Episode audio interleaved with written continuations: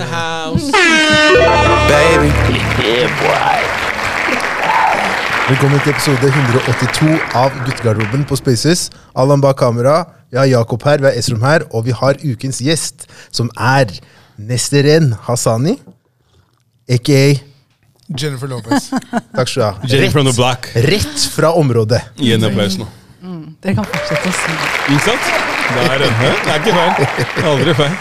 Jeg ser om du kjenner til det her bedre enn noen andre her. Dronningen av Vesterhaugen. Yes. Ja, det er, uh, Stort besøk i det er dag. 100 vi, er, vi går way, way back. Vi gikk jo på samme ungdomsskole og klasse. Så når uh, Nesteren dukka opp her med Robin, lillebroren, så er det Shout out Robin også. Yeah. det er, det er mye minner som kommer tilbake når jeg tenker på det. Jeg var jo mye hjemme hos de og sånn. Spiste mye ris. Så det var gøy. Og kylling. Og kylling. Men du fikk det til å høres fattig ut. Altså bare ris av Men risen er Det var det de hadde. Risen fra det området der er ekstremt. Absolutt. Så det var eh, Jeg husker bare Det, det er sånn Destiny's Child og liksom Veldig mye av den tiden der forbinder jeg med faktisk eh, hjemmet deres. Så det var, eh, det var gøy. God opplevelse. Hyggelige minner. 100 100%. Hvordan var jeg når jeg starta klassen? Jeg begynte i åttende klasse. vet du. Var det i Å Oh, ja, ok. Jeg- Ja, det er sant. Du kommer jo fra en annen bydel. Ja, du snakka så rent. Så pent. Ja, rent og pent. Men jeg husker Hva skjedde? Altså, ja, hva skjedde? Han snakker jo rent. Snakker rent enda, altså. Ja. Men jeg husker veldig godt at du pleide å komme og ringe på døra mi. Da var det ikke stort med mobiltelefoner og sånt. Og så pleide du bare å komme inn. Så det var liksom en ting Det var en annen tid. Det var en annen tid. Og jeg var sikkert veldig fan av Destiny's Child. Er det var det liksom favorittbandet? Jeg tror det. Jeg tror det. Henne Ja, altså Tenkte du at du var Jennifer Lopez? da? At jeg var det! At du var Jennifer Lopez, ja. På grunn av væremåten. Ja det, kurdere tenkte at de var Jennifer. Oi. Ja, men det, er- ja, men det var Veldig generaliserende her nå. Alle kurdere trodde det var Jennifer Lopez. Forklar. Forklar, Estrom. Nesteren kunne jo si det. Og det som er ting er, Nesteren hadde jo også storesøstera, skjæra til eh, Nadia. Nadia. Ja. Ja. Så det var sånn, ja, men liksom, det er mye likheter. Vi har krøllene, du vet, ikke sant, latinamerikanske Lave hele, hele opplegget. Selv om Jeg er- Nesteren er ganske høy. jeg er Ja, veldig høy. Nadia var liten. Det er sant. Så eh, ja, det var eh, Jeg husker jeg måtte liksom battle mot de, men jeg lærte mye av det. Unnskyld meg. Jeg fikk det kallenavnet av deg. Det er faktisk sant. Så du kom inn, du kom, Han starta deg i åttende klasse som en mobber? da? Han var veldig Ja, ja, ja, jeg var det. Gud, bedre 100 Du var veldig mobber. Ja, 100 Og det husker jeg. Jeg, var, jeg var varm på den tiden der. ass. Jeg ga fullstendig faen, liksom. Og så var det jo, som du sa, Nesteren, sånn, jeg kom jo inn som eh, han som var god i fotball, og da var, Veldig kjekk, sa jeg. Han var kjekk. Jeg Han var. ja, han var det. Er vakker. Nå er du vakker. Se på meg! Vakker. Vakker. Ikke le over det, hun sa noe. Hva er det er nå? vakker. Takk skal du ha. Nesteren. Gi en applaus for den, eh, Kelle. Skal få Hun henta seg bra inn der. Det er God greit. flaske vin. Ja, Det er helt greit. Nei, Esrom, da han begynte i åttende klasse, så var det veldig spennende. Fordi at eh, jeg var veldig eh, liksom interessert i eh, amerikansk kultur. Og all musikk. Og Will Smith med Fresh Prince, liksom. Jeg så på det sikkert to-tre ganger om dagen. Så når Esrom kom, så tenkte jeg herregud, det kom, dette kommer til å bli skikkelig bra. Der, er- det, er kan, det, kan ikke, det kan ikke bli bedre enn det her. ja, der er han. Nei, altså, jeg vet ikke om noen i klassen Uten at jeg skal ikke Jeg vet ikke, men jeg Jeg syns har så mange spørsmål! Der var han. Uten å fetisjere. Men, Få det ut nå! Det! Få det ut! ja, men altså, fetteren min i Sverige, han trodde han var Will Smith. Okay. Oi. Så han var liksom høy, kjekk.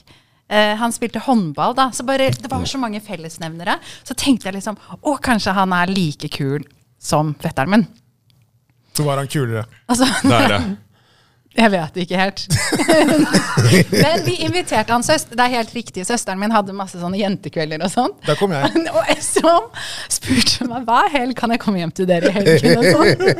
Og på skolen så plutselig fikk jeg høre en dag at bare ja, Esrom er løven blant alle løvinnene og sånt. Der.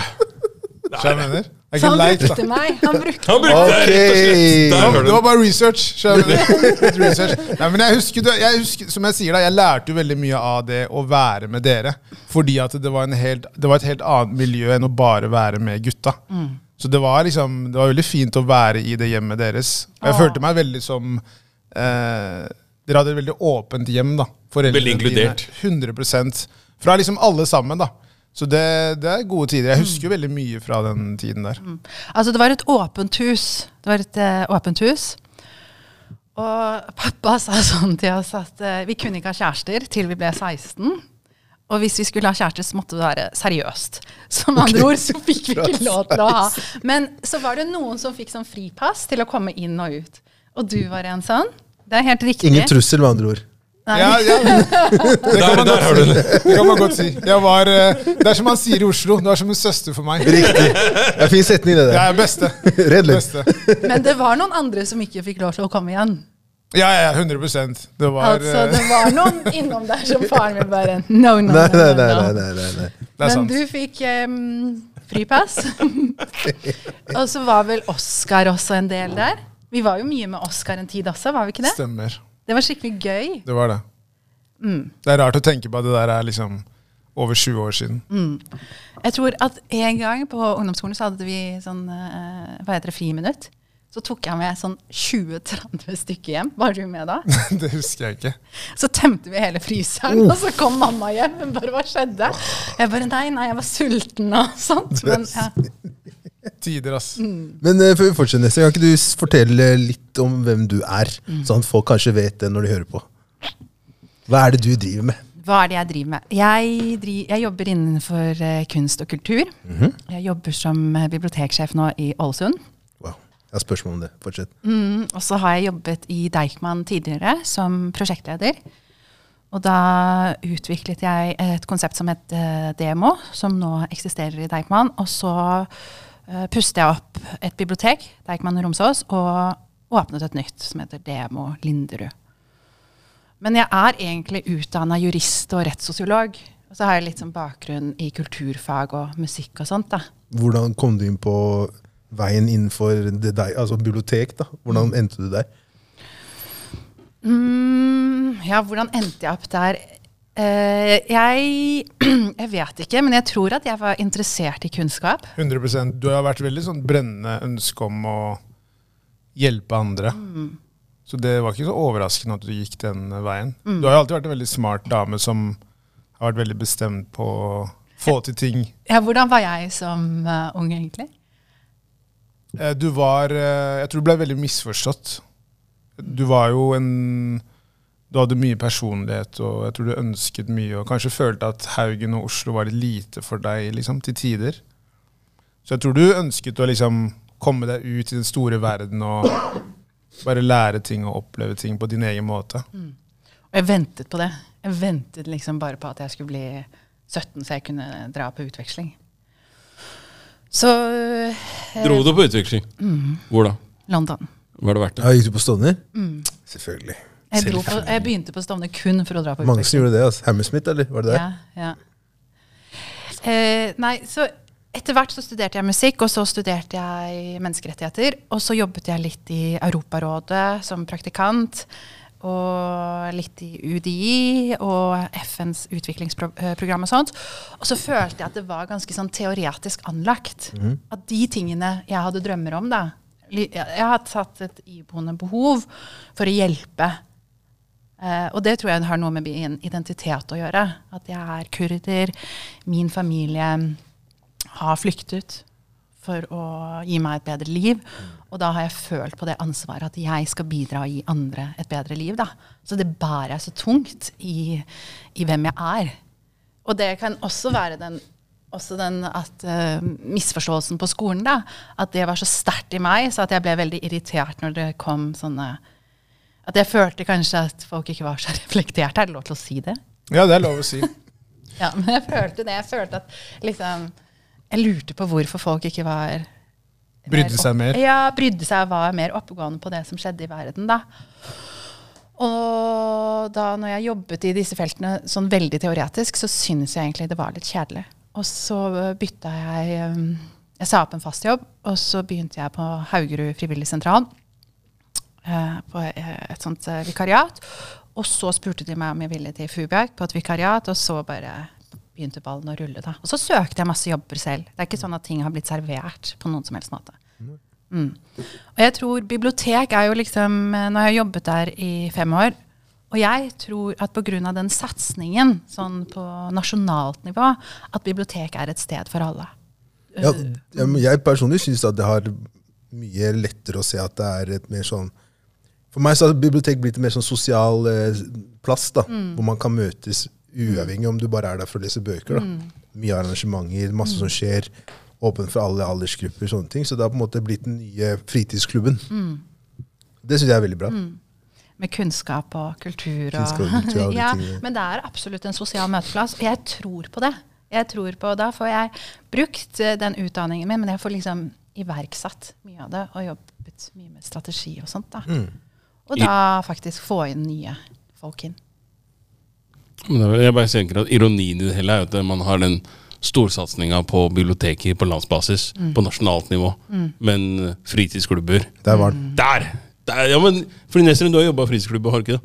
Ja, eller på øh, sånn samorganiserte Ja. hus. Mm. Ikke sant? Og det er jo dessverre så er det blitt færre og færre av de. Og det er fint at man på en måte gjør det her eh, Altså man tar de grepene og prøver å på en måte bedre da tilbudet på hva kommer til bibliotek og de tingene her, men samtidig så føler jeg at det har jo gått på bekostning av noe annet. da.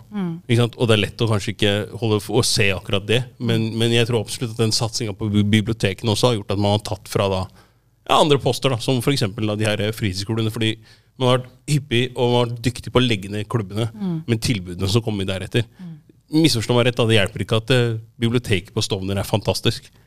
Men det er veldig mange tilbud der som man Ja. tidligere hadde Ja. på skole. det, det, det er det, men, men skal, skal jeg måtte dra til Stovner bydel for at jeg skal kunne få et tilbud?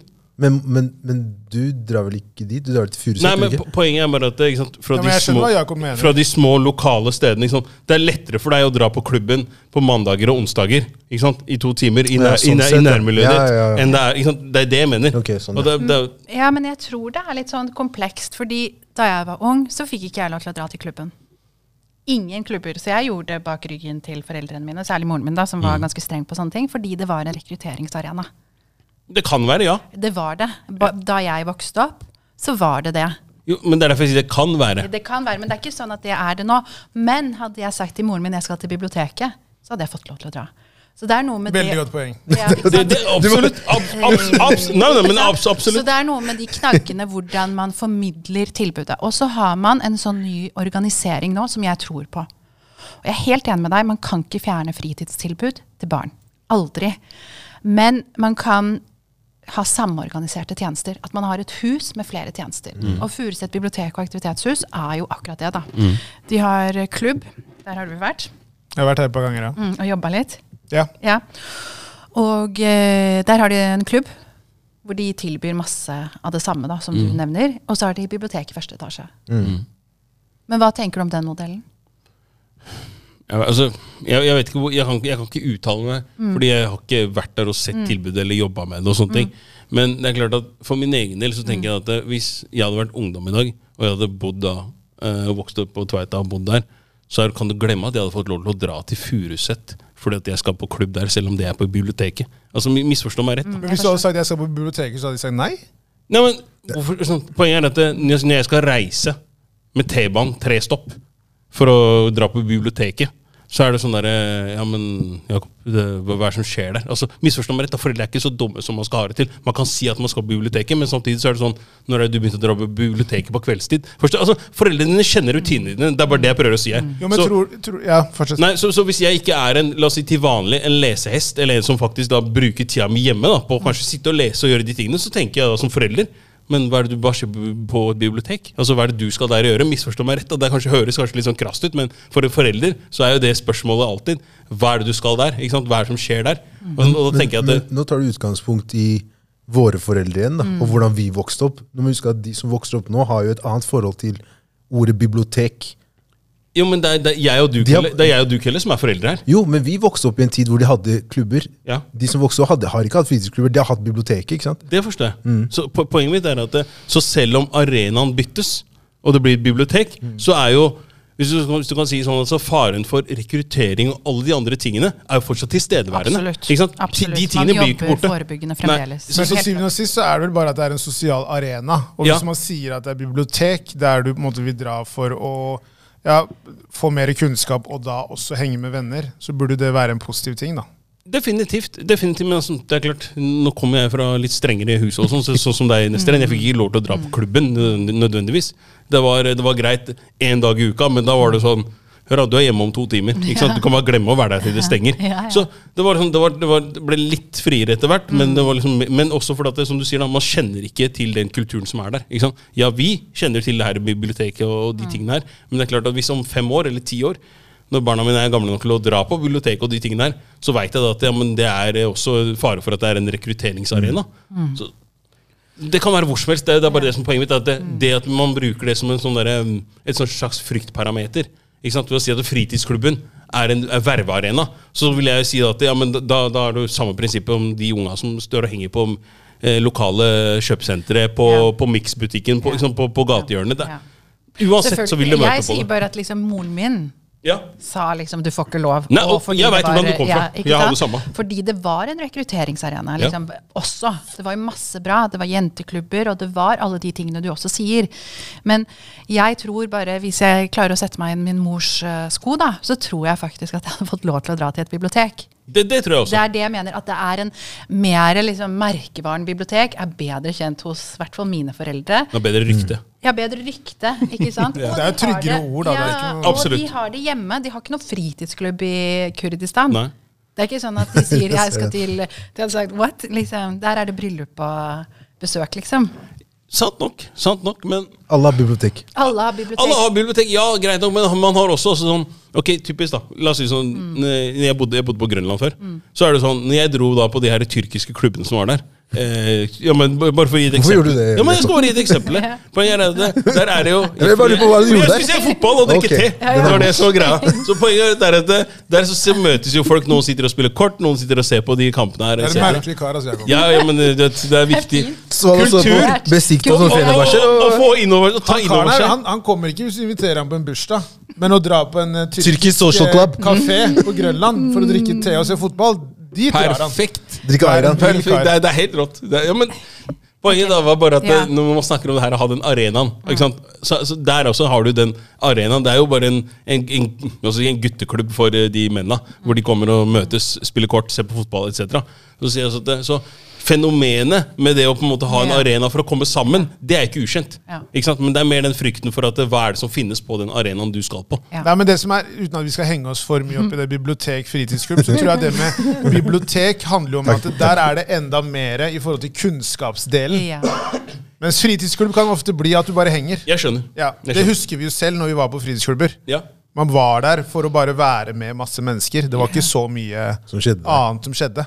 Nei, nei, men Du dansa litt, og så Men Ja. også sånn, det andre jeg tenker eh, Det er ikke som om de er lagt ned, da, disse fritidsklubbene. Jeg Nei. er jo fra bydel Alna, og der er det eh, veldig fokus på fritidsklubber. Så de er jo ikke lagt ned. Nei. Men det er mm, så fantastisk, nå skal dere høre, synergieffekten. Oi, oi, oi, oi, oi, Få høre. Ja. Synergieffektene. Altså, å jobbe tverrfaglig. ikke sant? Det med eh, eh, De på fritidsklubb er kjempegode på relasjonsarbeid. Ikke sant? Helt suverene. Så de klarer å danne relasjoner med disse ungdommene. Det er ikke sikkert formidlere og fagfolk klarer. Eller vi vet at de ikke klarer på samme måte som eh, ungdomsarbeidere. da. Og når man setter da fagfolk innenfor bibliotek med eh, da eh, ungdomsarbeidere, da, så kan de hente det beste eh, av hverandre. da. Og det er det, den, liksom, å jobbe da tverrfaglig i det miljøet, hvor, man, hvordan ungdom liksom får flere liksom, um, Muligheter. ja, muligheter, men påfyll. Påfyll. At de har et sted å henge, som er kjempeviktig. Bare et sted å være. Men også det at man får mulighet til å lære. At det er kultur, kunnskap, musikkurs, studio, alle disse tingene. Så jeg har veldig troen på det, men samtidig så må det ikke bli så fremmed ikke sant? Og fjernt fra folk at det distanserer dem fra å dra dit. Og det er kanskje det som er kritikken med disse store husene. At folk føler seg ikke hjemme da. Nei. Det, det er bare det. Godt sagt. Men føler du at det er for få tilbud der ute? For nå har vi nevnt to stykker. Vi har nevnt uh, bibliotek og fritidsklubb. Føler du at det burde være Ser du store forskjeller fra når vi vokste opp og de som er unge nå? Jeg føler det er flere muligheter nå. Særlig Oslo. Jeg vet ikke hvordan. Nå jobber jeg i Ålesund, da. Eh, og jeg tenker eh, der har vi elleve bibliotek. Et fengselsbibliotek. Elleve bibliotek! Mm. Ti. Skjer det? Ja, mange bibliotek. De er glad i biblioteker der. Okay. Men eh, lite budsjett, da. Veldig lite budsjett. Men, eh, men jeg, eh, så når jeg sammenligner Ålesund og Oslo, så er det jo klart at det er flere tilbud her. Det er en stor, eller storby og storby, men liksom, det er hovedstaden. Men jeg syns det er masse muligheter for ungdommer. Det er diverse sånne programmer for ungdommer. Det er muligheter for å få jobb, å bli kunstformidlere. Jeg vet ikke. Hva tenker dere? Jeg, jeg, jeg, jeg syns det var kanskje en periode hvor det så litt mørkt ut. Eh, I hvert fall når det var sånn på høyden av da når de begynte å legge ned alle fritidsklubbene. Ta Stovner, for eksempel. Da, når de la ned liksom alle klubbene der. Og ikke det, var, det var ikke noe annet tilbud. da. Det som da skjedde, var at alle begynte å henge på Stovner-senteret. sant? Men så rusta de opp liksom det nye biblioteket. De fikk den andre altså den klubben bak i det gamle lokalet til biblioteket. da. Begynte liksom å gi tilbud til ungdom å få jobb i, i hvert fall sommerferiene, og så flere ferier nå. så jeg har skjønt. Eh, Så det kom veldig mye bra tilbud til ungdom. Um, som, som gjør at liksom sånn der, jeg vil si at det, det går i riktig, riktig retning. Um, for i hvert fall da de unge borgerne. Da blir det feil, feil å si, men ja, jeg syns det går riktig vei. Ja, det er, jeg syns absolutt det er mye mer tilbud nå enn når vi vokste opp. Jeg tror de har mye mer kunnskap, og verden er mye mindre, men også større for de som vokser opp nå. Så de har jo mye mer De forstår jo hva skal jeg si, deres rettigheter i en mye større grad. Jeg føler at vår verden, i hvert fall min verden, var mye smalere enn de som vokser opp nå. Men syns du det er med tilbud nå, som du selv spurte om? da? Absolutt. Ja. Absolutt. Uh, og så handler det om om man tar de tilbudene eller ikke. ja, det er det jo. Det er også Jo, en annen Men det Man er der. snakker jo ofte om at det er for lite tilbud, men det er sånn Men tar du de tilbudene som blir presentert for deg, eller gjør du ikke det? Og hvem tar tilbudene? Nettopp. Så det er en vanskelig greie, uavhengig, så Men det jeg tenker, jeg tenker liksom kanskje det største problemet i dag, eller det jeg ser, jeg har vært eh, leder i noen år, og leder for flere ungdomsgrupper, da. Og jeg opplever at eh, det er mange unge som sliter Ja, ja. mentalt. Og jeg mener, det er ikke fremmed for oss også, fordi jeg også slet med mine ting. Men jeg føler at folk har det litt verre nå. Jeg vet ikke om det er bare min oppfattelse, men at kanskje man snakker mer om det. Men at, um, at det er vanskelig for mange. øh, og at man er opphengt i å gjøre det bra på skolen, på videregående. Og det, det bekymrer meg, at øh, folk ikke gjør noe sosialt og eh, fjerner seg helt fra det sosiale liv fordi at de skal prestere på skolen. Men er ikke det litt ironisk at vi er jo til dels mer sosiale i form av plattformer og sånn som finnes, men som du sier da, samtidig så er man ikke det. Ikke sant? Og jeg, jeg tror ikke de unge i dag da klarer å se det, fordi vi kommer fra en tid hvor du ikke hadde den muligheten. Hvor du ikke hadde da sosiale arenaer som eh, ja, altså Instagram og, og disse tingene her. da. Heldigvis. Ja, heldigvis, ja. Og, og, og derfor så var man nødt for å faktisk da møtes da fysisk på disse sosiale arenaene for å få med seg de tingene som skjedde. Eh, I dag så er det mye lettere å på en måte legge press på seg selv og på andre ved å måle seg selv opp mot den målestokken som finnes der ute, da, som ofte da er andre som ja, eksempel er superpopulære. ikke sant? Og det er veldig lett å se hvem som er populær og hvem som ikke er det. ikke sant? Målestokken var de i nær krets. Ja, Nå så er det alle. Nå så er det ikke sant, alle i hele landet. Ikke sant, kan potensielt være må, eh, målestokken din. da. Og det er det som kanskje er litt av den største fallgruven for mange av de unge i dag, tror jeg. Eh, Det at man, man utøver så mye press på seg selv, samtidig som du sier at det er mange som kanskje sliter mer i dag enn det de gjorde tidligere, så tror jeg det bare handler om at man har blitt mer vokal på akkurat det. At, at man faktisk tør å u, øhm, uttrykke de tingene her, mens før i tida så holdt man mer på det. Ikke sant? Og Det det, var- det tror jeg vi alle har følt på. Det var jo nesten tabubelagt å snakke om at man hadde sleit med psykiske ting før når vi vokste opp, men nå er det mer sånn derre Det er veldig mye mer spørsmål om har du det bra. Det var det ikke like mye av når vi vokste opp. Ja, Og hvor du mener liksom at det ikke bare sånn Ja, det går bra Ja, ja, ja, med meg. men altså fordi at liksom, Nei, vi ser at du ikke har det bra. Ikke sant? Så du har, du har flere på en måte ressurser til å på en måte ta tak i det. da. Så det er- og da blir det også mer synlig enn det det var når vi vokste opp. ikke sant? Du kunne ikke sitte altså, med vennene dine og si gutta, jeg klarer ikke å komme ut av senga mi. Det, det, det var liksom ikke noe sånn Du, du sa ikke det, da. Men samtidig har du jo også de her plattformene, eh, hvor, hvor, hvor du kan på en måte, og forum, da, ikke minst, hvor folk kommer sammen. og Man, liksom, man, har, si, man kan møtes lettere, eh, først og fremst, i form av at man har felles interesser. eh, sånne type ting, Så er det kanskje enklere å finne de ulike forumene hvor man kanskje også føler mer tilhørighet. da. Men samtidig også sånn, så er det enklere kanskje å føle litt på det her med eh, La oss si du har det dårlig, da, så er det lettere også kanskje å finne andre som kanskje er i samme bås som, som det du er i. Da, ikke sant? Og så kan man snakke med de og sånne ting. Så jeg tror terskelen har blitt lavere for å snakke ut om ting, eh, også med andre mennesker. Eh, og det tror jeg egentlig bare er bra, sånn sett. Altså at man, man, har, eh, man har enklere da, for å kanskje komme i, i kontakt med andre som kanskje kan hjelpe deg, da, hvis jeg kan si det sånn. Men hvordan merker du det selv da, med, med tanke på jobben din? Sånn i forhold til, Er det noen ting dere gjør annerledes med ungdommene nå? med tanke på, Snakker dere mer med de, Kan, de kan, kan kan jeg bare adde til det? Hva, hva er forskjellen som du ser i Ålesund kontra Oslo? Oh. Med ungdommer? Så hvor du tenker sånn Oi, shit, det, det er to forskjellige ting. Kontrastene er store her.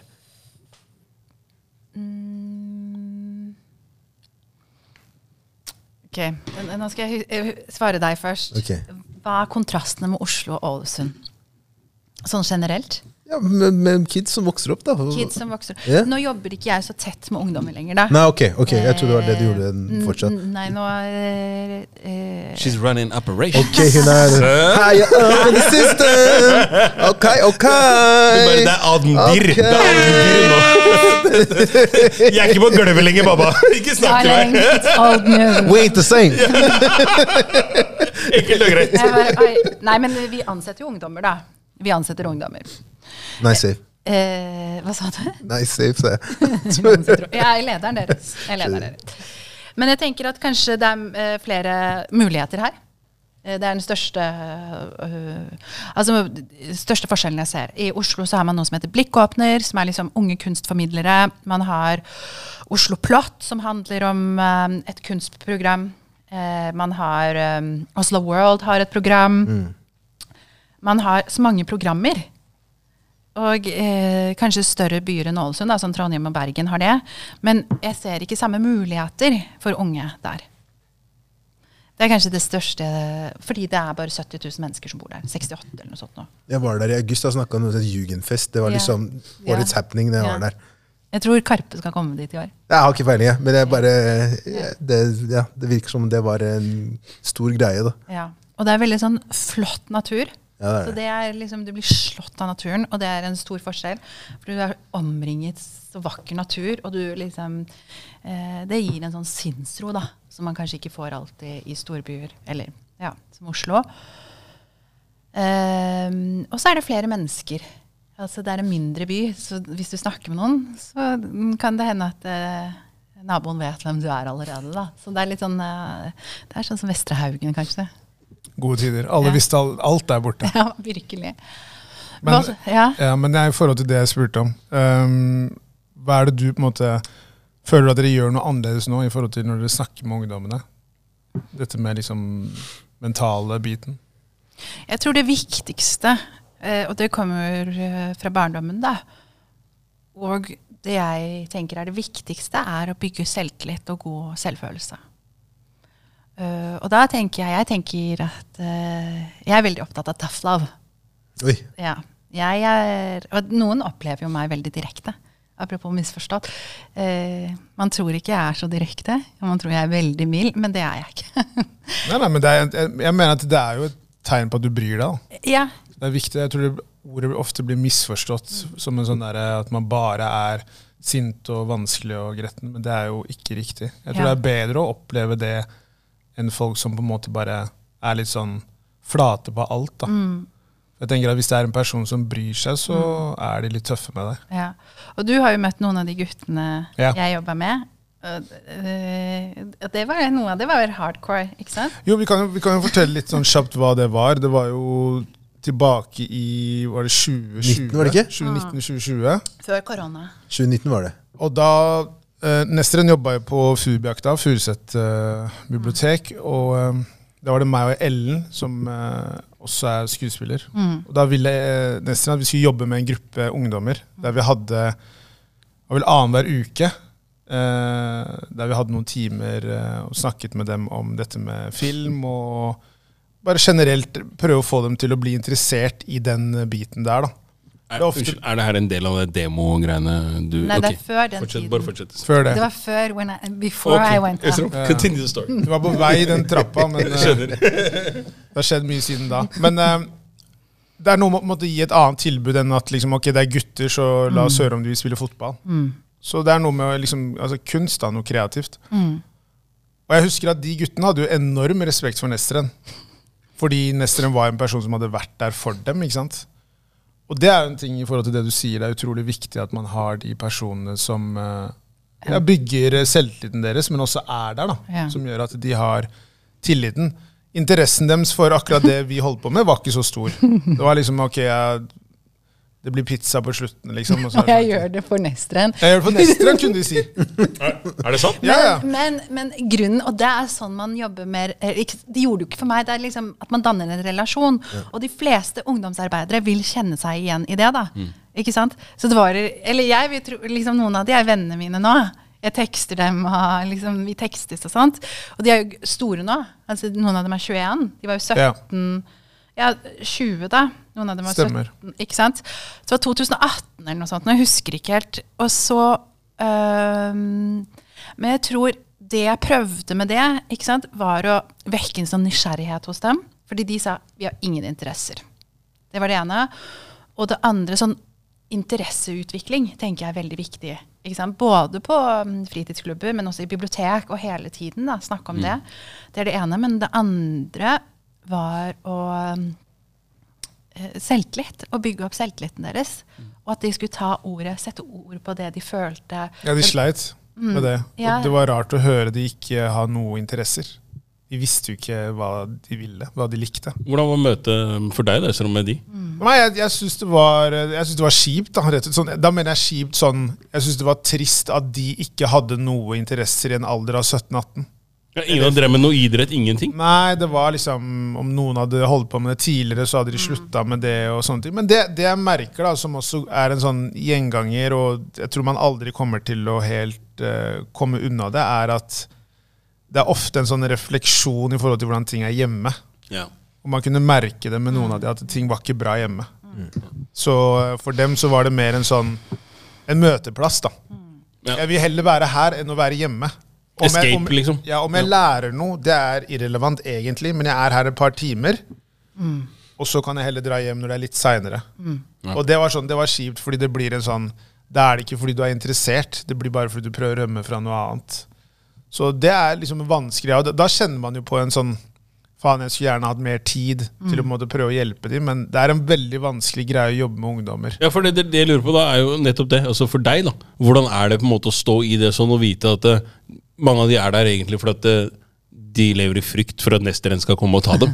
Altså, Er du så, er du, er du så skummel? Er du så farlig? Nei, nei, det var ikke det, det, var ikke det du må nei, det var bare Nei, nei, jeg vet, jeg, Du setter det på spissen, men det var bare mer det derre det, det var jo fordi Nesteren hadde snakka med dem i forkant, og de hadde jo ikke noe kjennskap til meg eller Ellen, så det var jo Nesteren som var tryggheten deres. Selv om jeg og Ellen hadde de timene, så var det jo Nesteren som var deres person. Men jeg, jeg tror bare det er helt naturlig. Jeg tror alle har, eller de fleste har kjent på å ha en sånn voksen person som du har den tilliten til. Så Og det er ikke Mitt inntrykk var at de hadde ikke så mange av de i deres liv. Nei, riktig. Men jeg Så- tror også det handler Flere av dem fikk ansvar. Jeg tror de likte det ansvaret. Og så tenker jeg at de er kjempesmarte. Ikke sant? Og så har de ikke hatt eh, De er kjempesmarte, sjarmerende, masse karisma. Absolutt. Og liksom, de hadde masse fantasi og kreative historier. Altså, De Donald Duck-historiene jeg fikk høre noen ganger Jeg bare smilte. Jeg bare, mm. liksom sånn. Det var helt vilt. Og jeg tenker at det var også et ukjent eh, terreng for dem.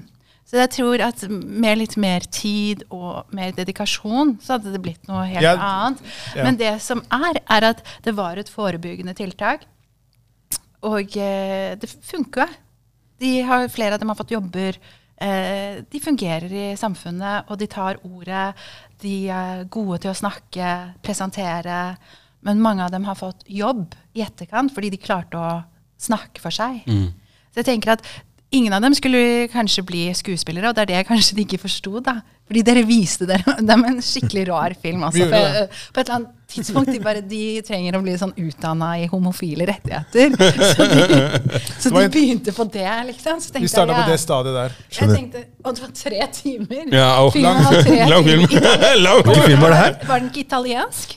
Å, gud hjelp. Uh, jo. Bare Svart-hvitt, eller bare Nei, nei, nei, nei, det var ikke svart-hvitt. Tinget med det var at det, vi ville ha en samtale. Jeg ville høre hva de mente om filmen. Som har sett litt på tre Smart. timer lang film. Ja, det var ikke så lang. Jeg tror de, de adda veldig mye på det. Men tinget var Det føltes, det føltes sikkert ut som det var tre timer for dem, men poenget var at vi ville se og høre hva de mente om filmen.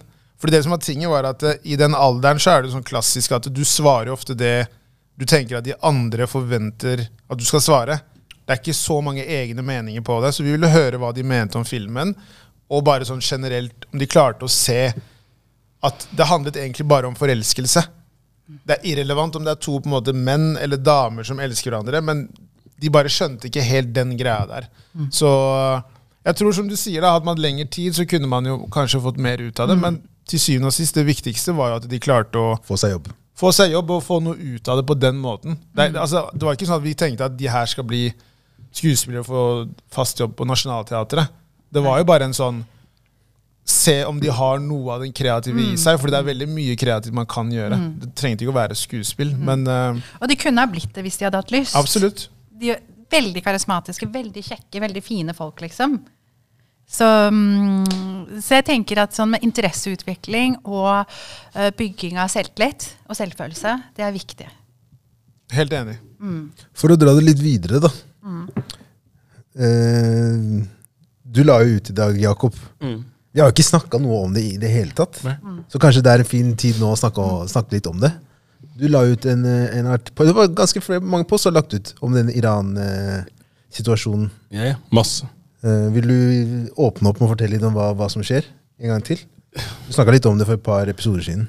Nei, altså Alle har jo forstått det, og alle ser jo det at det er eh, protester i Iran. Og, og det alt det her har jo vært utløst av det her Massa Amini-drapet. Um, og så har det jo vært eh, mildt sagt eh, ganske mange drap og veldig mye protester og den type ting i etterkant. Men jeg, jeg synes grunnen for meg da, til å også på en måte poste mye av det her også, er jo også for at det er null fokus på det uh, i vestlige media, hvis man kan si det sånn. Eh, jeg må innimellom innom Al Jazeera-kanalen for å få sett noe som helst som har med det å gjøre. Jeg prøvde å lese alle norske aviser i dag eh, og i helgen og sånne ting. Står ikke noen ting. Ikke sant? Du, du er mer interessert i å fortelle om uh, nye vidunderpillene for eh, det ene og det andre, enn du er å fortelle om uh, den Altså, det folkemordet, da, egentlig, som, som pågår i, i Iran. Og det, det er klart når det, er, når det er så prekært, og når det er så på en måte Vi er i 2022, alle snakker om liksom hvordan eh, som, som, som du var inne på i stad, hvordan verden er så mye nærmere. Men samtidig så har den blitt så mye mer distansert. ikke sant? Og, jeg syns det er så synd da, at man skal bare sitte her og på en måte vende det andre skinnet til, mens eh, vi skulle alle stå i, i kampen og i spissen for å kjempe for eh, friheten til, til Ukraina og, og andre. Og, det, det er bare sånn Det, det bildet der som portretteres? Det, det er for meg veldig sånn skeivt. Det, det er veldig eh, urettferdig når du skal sitte og dytte på folk et narrativ kontinuerlig om at det kun er da noen få det er synd på, mens resten av verden kan egentlig bare brenne i helvete. Altså Indirekte, som satt veldig på spissen, så, er, så er det på en måte det jeg ser. Og det er klart, Da føler jeg også at jeg kan i hvert fall, i det minste altså, med tanke på også hvor mange iranske og kurdiske venner og sånne ting som jeg har, da skulle det bare mangle på en måte at jeg også kan vise litt uh, solidaritet og støtte til, til den saken der. Og det, som jeg har sagt og vært inne på før også, det koster meg ingenting nå, å legge ut eh, om de tingene der. Og det er mange som har spurt og sånn der, ja, du er veldig på den saken her. Så jeg, ja, men fordi ingen andre er på det. Ikke sant? Hadde vi hatt mediedekning på det, hadde det vært liksom sånne ting, ting, så hadde jeg kanskje også tenkt at det, da hadde man én kanskje fått stopp på mye av det som skjer her. Eh, og to, man hadde kanskje eh, forstått det at det, det her er en av få på en måte revolusjoner, hvis du virkelig kan kalle det hvis du virkelig kan se på det sånn, da, som, som har skjedd i, i vår tid. Og ikke minst da den, det er kanskje den største kvinnelige revolusjonen som, som også har vært i, i vår tid. Og da spør jeg meg selv også spørsmålet hvor er alle de her foreningene? Hvor er alle feministene? Hvor er liksom alle som, som har stått og, og kauka og brølt om at eh, nå er det equal rights og, og det som verre er? da? her har du en, kanskje den, den mest legitime kampen du kan kjempe i forhold til kvinnerettigheter og sånne ting. Fordi jeg tenker at om ikke alle er fri, så er ingen fri. Ikke sant? Så Sånn er det. på en måte. Det er, eh, jeg tror også Nelson Mandela også sa det. ikke sant? Og, og det, det, er, det er bare det, uten at jeg skal sammenligne meg med, med, med Mandela. men men, men det, det, er mer der jeg, jeg føler at det liksom skoen trykker for min del. Du er ganske lik Nelson Mandela. rolig nå. Hva, rolig nå. hva, er dine, hva, hva er dine tanker om det, Nesre? Word, word, word. Takk, Jakob. Fordi at, nå. fordi at jeg tenker at uh, alle som kan, må heve en stemme for Irana. Alle. Og jeg er helt enig. Jeg blir så skuffa over at det er så lite fokus på det. Visste dere at hun heter Gina? Nei. Hun heter egentlig Gina, men i Iran så eh, er det ikke lov til å ha kurdiske navn. Okay. Fordi det er eh, ikke i tråd med eh, shia-troen, Ja, riktig. med, med den islamske troen. Så da kan man ikke registrere mm, kurdiske navn i det hele tatt. Okay. Så da har man, eh, så da har man identitet hjemme med et eget eh, navn, og så et annet navn. Forklare hvorfor mange kurdere har to navn som Ja. Ja, faktisk. Det, det gir mening nå. ja, det er mange kurdere som har så handler det, kan man si at det handler her litt om kurdernes rettigheter også i Iran? Eller er det kun en slags mm, demonstrasjon om rundt med ayatollahen og hvordan situasjonen er der? Altså hvis Jeg skal, jeg er ikke historiker, da, men hvis jeg skal prøve å forklare dette veldig sånn um, eh, kort og konsist, da, så tenker jeg at det politiske systemet i Iran, det er det som er problemet. Ja. Og så har man moralpolitiet, som eh, det er mange som sier å, det er, eh, det er et problem med moralpolitiet. Det er det også, men det er bare en gren i liksom denne komplekse, eller dette komplekse systemet. Det politiske systemet i dag er kjempevanskelig å forstå. Du har da et råd av eksperter som blir da eh, Man stemmer de frem, men det er sånn at de eh, melder sin interesse. Og så er det eh, et vokterråd på tolv stykker som bestemmer hvem som kommer videre. Jeg tror eh, Ved forrige valg så var det rundt 300, hvis ikke jeg tar feil. Så er det no, rett over 100 som ble valgt, og så er det rundt eh, 68 eller noe sånt nå, som er med i dette ekspertrådet. da. Og dette ekspertrådet, det er mushtihadis, eller hva det heter, altså sånne religiøse eksperter som sier hva som er i tråd med islam, og, i- eller shia-troen. da. Og så utnevner de den øverste lederen, ayatollahen. Og han heter nå eh, Khomeini. Eh, Den forrige heter Khomeini, så det har bare vært to øverste ledere. Og disse tre organene, de bestemmer nesten alt. Eller de bestemmer alt i Iran. Ingen kvinner har vært involvert i disse tre eh, organene. Og så har du eh, presidenten som blir valgt, og eh, parlamentet. Men de har egentlig ikke noe makt. Og de også velges av disse tre organene. Så det er noen eh, menn som bestemmer alt dette. Og, eh, og det er det som er problemet med Iran. Mm. Veldig kort fortalt. Ja. Eh, Så det, det, var, det var veldig kort fortalt. Jeg, jeg, jeg vil jo også si at det, man, man må dessverre også se på det historisk, sånn som uh, ting har vært, og sånn som ting har utspilt seg. Sånn som når amerikanerne blander seg inn uh, og, og avsetter uh, Var det Shan de avsatte? Ikke sant? Ja. Og, og man, man, liksom, det som er um, Her også, sånn, i- dessverre, i likhet med veldig mange andre sorry, konflikter man velger å se bort ifra, så er det jo fordi det er noen som har interesser her. ikke sant? Og, og, og, det, og jeg mener at det er litt sånn synd å se også at det, den, For det var vel også en, den demokratisk valgte eh, Nå er vi dypt inne i historiebøkene her. Altså. Nei, ikke, ikke, nå, er ikke, nå er jeg ikke i 70-tallet lenger. Nå snakker jeg om noe for ikke så noe nylig. For jeg, sånn som jeg forstår det, så er det vel også den som var, han som var demokratisk valgt leder, eh, ble vel eh, ikke godtatt eller godkjent, og så fikk man heller eh, ja, de kandidatene, kandidatene, Ja. presidentkandidatene må godkjennes Ja, riktig. av hvis ikke jeg Vokterrådet på tolv Ja. stykker. Ja, og, Og- det er mange som ikke godkjennes av Riktig. dem. Ja, og det, det, er ganske, det er ganske sånn absurd for meg. Da? At, at man skal sitte da basically og Man kan være på godfot da med de tolv, Mm. og så er det egentlig irrelevant hva som skjer ellers. For at eh, hvis man ikke er eh, på, på godfot med, med de tolv disiplene her, ja, si, så ja. Og de vurderer eh, deg fra hvor religiøs du er. Ikke sant? Hvor konservativ du er. Men det er helt riktig. Altså I 1979, altså hvis vi skal gå litt tilbake, så var det et kupp. Ikke sant? Da kom eh, Khomeini tilbake fra Frankrike. Og før det så var det eh, sjahen som regjerte. Iran er de, eh, et av de landene som ikke har vært kolonisert. Ikke sant? Men det er helt riktig. fordi på den ene delen av Iran så hadde man eh, Sovjetunionen, som hadde sine interesser. På den andre delen så hadde du eh, briterne. Og briterne tok og privatiserte oljen i Iran. Dette er veldig typisk. og veldig sånn Når man ser på det resten av verden, og særlig deler av Afrika, så kjenner man det igjen. ikke sant? Og så ble eh, I denne prosessen så følte de at sjahen var liksom the puppet. De kalte, kalte han the puppet eh, for Vesten. Og det, forskjellene økte, fattigdommen økte. Og han også ikke sant, eh, felte veldig eh, hardt ned på sosialister og kommunister. Og i ettertid så har jeg egentlig tenkt at det har jo noe med denne eh, krigen egentlig mellom briterne og Sovjetunionen. At de hadde liksom sin plattform eh, der på nytt. da. Og så er jo det, det er mange som sier at eh, når Khomeini kom inn, ikke sant, at det var et svar egentlig på å felle ned kommunismen. Og det er derfor han ble støttet av Vesten. Ja. For han ble støttet av Vesten. Ja. De hjalp han med å Ja. komme inn. Og så dro sjahen ut, og han dro til Egypt fordi ingen andre land eh, godtok, eller veldig mange andre land godtok ikke han til å bo i eksil. Så ja, det er veldig sånn komplisert, fordi det er interesser, det er olje, eh, og så har det vært en sånn eh, supermakt, eh, eller liksom krig, mellom eh, briterne og eh, russerne. Og i ettertid, så har, når, når Khomeini kom, så var jo folk veldig håpfulle. Og han snakket jo ikke om at det skulle bli en islamsk revolusjon. ikke sant? Folk trengte nye rettigheter. de ville, eh, Inflasjonen var også høy da. Det var ikke noen muligheter, lave utdanningsmuligheter. Og de håpte på en ny hverdag. da. Men det som skjedde, var det motsatte. Men at eh, det er jo noen bra ting med Iran i dag. Det er høy utdanningsnivå der. Veldig. Ja.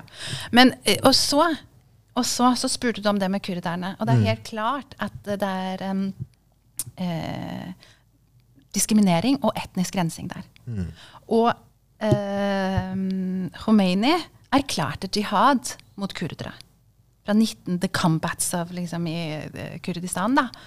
Så det, det varte vel fra 1979 til eh, 1983. Til liksom, eh, de ikke klarte å kjempe mer. da. Så det var ikke et valg for kurdere. Han liksom invaderte disse områdene. da. Og det er flere grunner til det. Det er mange teoretikere som har forskjellige eh, teorier på dette. Men eh, han mente at, da, at det å være kurder og uttrykke seg kurdisk var imot liksom, det å være en sjiamuslim. Uh, mange kurdere er sekulære. De er sunnimuslimer. Så det er jo klart at uh, det er ikke forenlig da, å være sjiamuslim. Nei. Så det, kurderne ja, opplever en ekstremt vanskelig situasjon, kanskje mer enn flere, men også andre minoriteter, da, som bahai, ikke sant. Eh, eh, eh, armenere, de kristne. Det er masse jøder i Iran, sånn historisk. Mm. Så jeg tenker at denne diskusjonen har jo begynt handle om, også om eh, religionsfrihet. Ja. Og jeg er jo for religionsfrihet. Men jeg tror at det man ikke forstår, um, eller jeg tror mange forstår det, er at kurderne, og også iranere, men i hvert fall kurdere, er jo redd for religion. For det har drept oss. Ikke sant? Det har blitt sagt at du er ikke sjiamuslim, det er ikke bra nok. Og så har man erklært jihad. Man har erklært jihad mot kurdere. Så det er ikke rart at de er redde for religion. Og jeg tror at eh, Og en ting skal også sies at Iran har jo vel aldri også vært en islamsk stat på den måten som det er, eh, som det er nå. på en måte. Tidligere, Det var ikke, det var ikke slik eh, på 60- og 70-tallet og den, den type ting. Så det er derfor jeg synes det er for merkelig at man på en måte har altså For å bruke det engelske ordet 'digressed', altså sånn til at man har gått tilbake, hvis, du sier det sånn, eh, fra, fra der man en gang var. da, ikke sant? Um, for du kan jo se bilder og, og videoer og sånt på, på YouTube annet, eh, fra Iran på 60-70-tallet og sånne ting, hvor da damer går i, i skjørt, og det er ikke noe plikt om å bruke hijab og, og dekke hår og, og den type ting. da. Så, det er liksom, så Iran er jo også veldig ulikt veldig mange av de, andre- de andre nasjonene i eh, Midtøsten også. Ikke sant? Det, det er jo ikke det er veldig lett å kanskje putte alle land i samme bås og tenke at uh, dette er et dere, deres problem og ikke et, et, et vårt problem, hvis du sier det sånn. Og, og, og da- der tror jeg man må, man må skille på, på, på akkurat de tingene her. For det, det, det det kjempes for her, egentlig, er jo nettopp uh, frihet og, og på en måte eh, muligheten da, til å kunne, kunne, kunne uttrykke seg slik, slik man ønsker, slik vi også kan. ikke? Eh, Ja, ytringsfrihet, Ja. religionsfrihet, alle disse menneskerettighetene. ikke sant? Og man kan ikke ha et forbud eller påbud med hijab. Folk må velge selv. Så når jeg sier at de er redd for religion, at kurdere eller noen kurdere er redd for det, så er det ikke det ekte islam kanskje er, men det er det de fikk servert den gangen. ikke sant? Eller enda. De får jo ikke registrert navnene sine. ikke sant? De får ikke utøvd hvem de virkelig er. da. Så ja, så jeg tenker at det er mm. Men veldig mange driver jo og roper opp om at eh, de ønsker en revolusjon i Iran. Og tror, tror du det er noe man kommer til å se i vår tid? Kanskje feil person jeg så på her nå. Ja. La meg, la meg så over til deg nå. vet, vet du eh, Moren min sier eh, 'snart skal vi tilbake'. Og um, faren min spør meg han bare 'når det åpner igjen, skal du tilbake da?' Så jeg bare, ja, ja, pappa, vi skal kjøpe leiligheter, og vi skal bo der. Og han bare 'Du bør ikke kjøpe noe vi har'. Liksom, Farmoren din bor der enda, vi har det. Og så var jeg med han for noen dager siden, og så sa han 'Det er revolusjon'. Det er revolusjon. Og så sa jeg sånn Ja ja, det kommer til å bli uh, sånn som Syria. Det kommer til å bli en innovasjon, og så kommer det ikke til å skje noe. Så sa jeg det litt sånn med en letthet. Jeg mente ikke det jeg sa. Og så kom han til jeg vet, Vi var hjemme hos meg, så kom han til gangen. Så han, Nesteren, kom ut litt.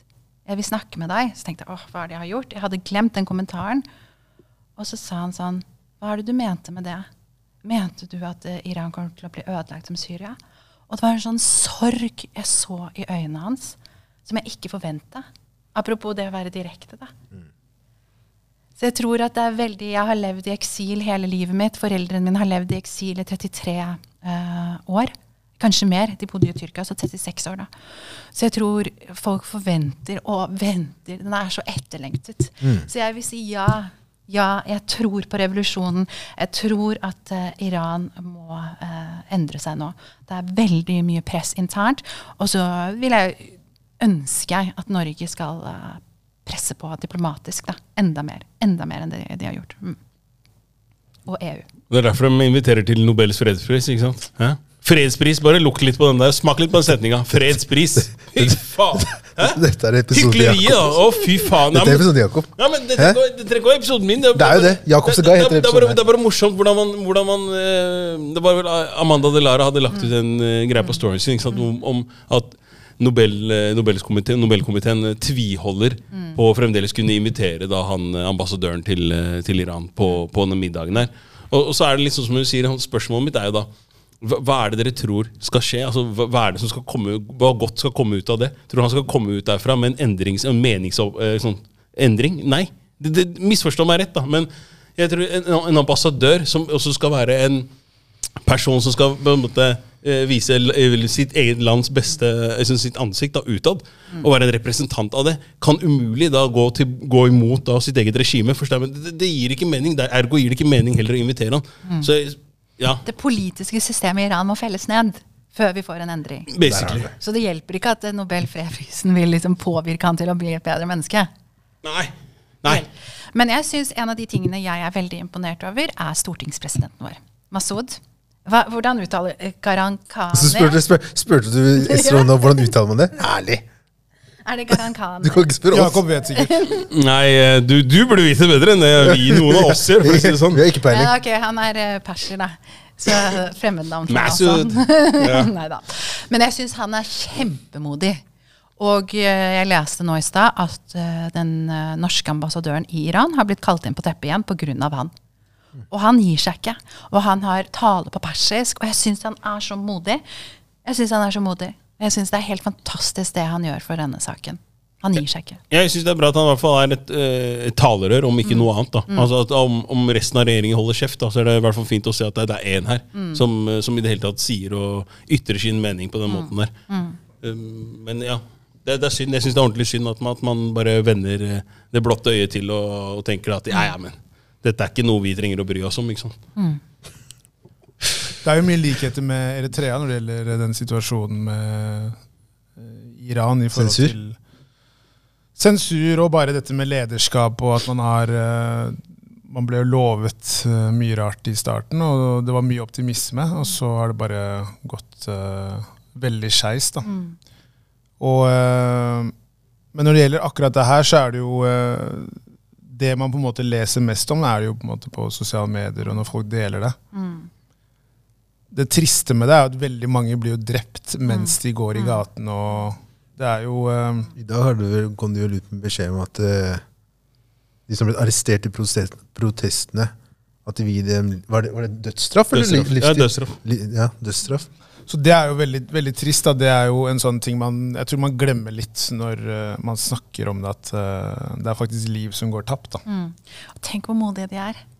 Definitivt. Tenk hvor modige de er. De er ikke redde for det. da. De er villige. Tenk på alle de unge menneskene som har dødd. Ikke sant? Ehm, Og det er bare sånn helt på sånn altså, basisnivå, dette med å liksom bare være en kvinnelig artist, liksom. Det er uh, forbudt. mm. Så det er det med å liksom kunne uttrykke seg og ja, ønske et bedre liv eh, for seg selv og familien. og Det er liksom ikke lov. da. Så det er veldig rart for oss som sitter her og har den friheten vi har. Ja, jeg kjenner på det hele tiden, da. Jeg tenker at mine foreldre flykta pga. dette. Og jeg vokste opp uten min familie. Ikke sant? Jeg vokste opp etter, uten mine besteforeldre, kusiner. Altså, jeg har så mange kusiner og fettere. Moren min har egentlig tolv søsken. Nå er noen av dem omkommet, dessverre. Men faren min har eh, De er seks til sammen, da. Og masse kusiner og fettere. Masse. Og jeg er liksom vokst opp uten det. Så det er jo et tap for meg også. Og jeg ringte kusina mi uh, for noen uker siden, og det var vanskelig å snakke med henne pga. forbindelsen. da. Og hun sa For de bor i Iran. Hun bor i en, en liten by. Og da sa hun men det går bra med oss. Det er dere som er alene. Dere flykta jo fra oss.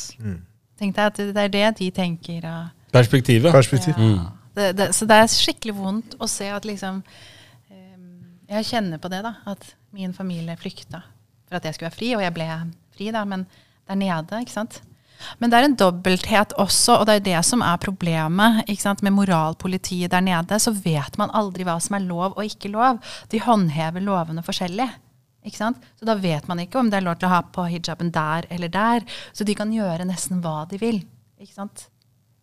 Så det er jo det som er, det er uforutsigbart, og man kan eh, Et liv koster nesten ingenting der.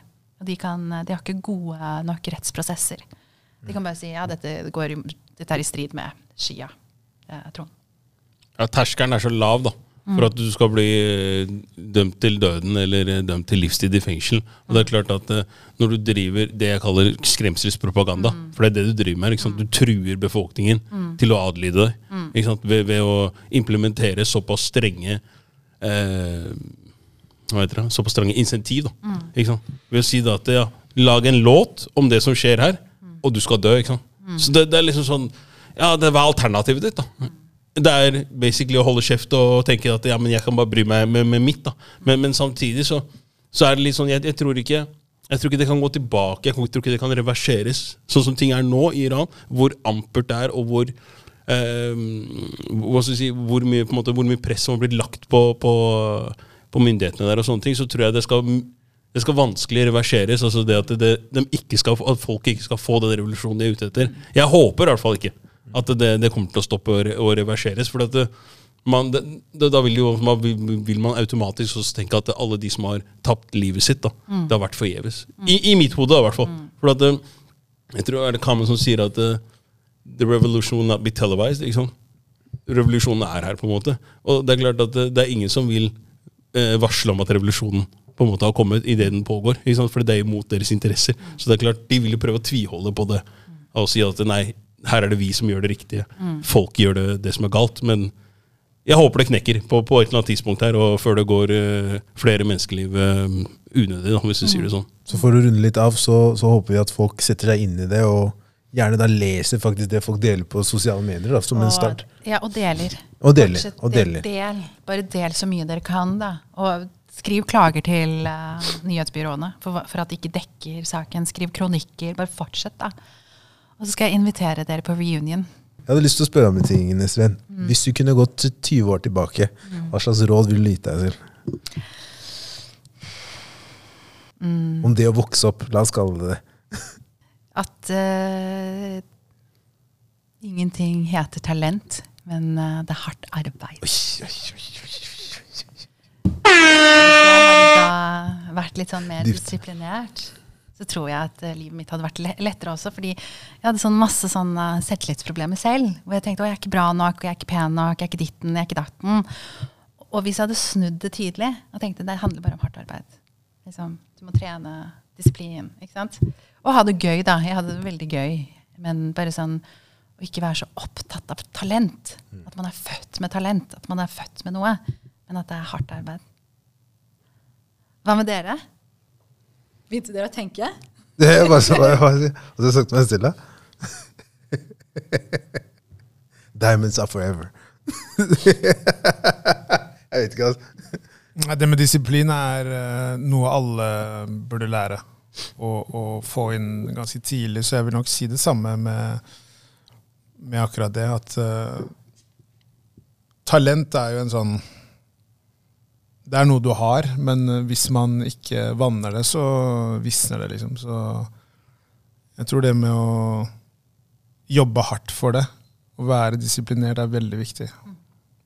Jeg tror det er litt sånn som dere sier, sånn som jeg sier til kiden min også. Det er sånn Du må se på sånn som skolearbeid, alt det der. Som, det er også trening. da. Så det hjelper ikke. Hvis du legger det bort, så du investerer ikke i deg selv. Det er kanskje noe jeg ville ha sagt til meg for 20 år siden. Da. Bare sånn, du, bare, bare gjør det. Bare gjør det. Bare gjør det. Fordi du taper på terreng da, på å ikke gjøre det. liksom. Og ikke tenk på resultatet. Jo, tenk på det òg. Ja, jeg hadde ikke sagt det. Da bare gjør det hver dag. Ja, det er godt poeng. Men jeg hadde nok også vært enda Jeg skulle ønske jeg også brydde meg mindre om uh, sånn uh, Det å følge flokk, da. Det er vanskelig den tiden, vet du. Ja, men jeg skulle ønske jeg ikke gjorde det, 16 år fordi gammel. eh, jeg tror at det er ekstremt hemmende. hemmende. Fordi man blir så smal i tankegangen. Følte du flokk? Nei, men ikke nødvendigvis at jeg fulgte så mye, men jeg var en del av det. Så jeg, til syvende og sist så blir du en del, du gjør det samme som andre. Så jeg merka at jeg gjorde ting som jeg nødvendigvis ikke var så gira på å gjøre. Men jeg tenkte jeg kanskje at det skal Det forventes, eller det er det jeg skal gjøre. Og fordi at verdien av venner når man er ungdom, er jo høyere enn alt annet. Jeg føler at det er den perioden i livet hvor selvtillit bygges. da. Men man har ikke nødvendigvis den selvtilliten på plass. Ja, det er for mye. Så, nei, men, for mye. ja, men ikke sant, du, har ikke, okay, du har ikke klart å balanse, regulere den selvtillitsnivået ditt. da. Ja, du- til det punktet ja, hvor, som du, hvor du er nå. Men hadde du det? Jo, det som jeg, jeg skal forklare det. Jeg hadde det på to arenaer. Og det var Høner Eh, og fotball. Høner! Det var liksom I like my chicken, hva er det man sier?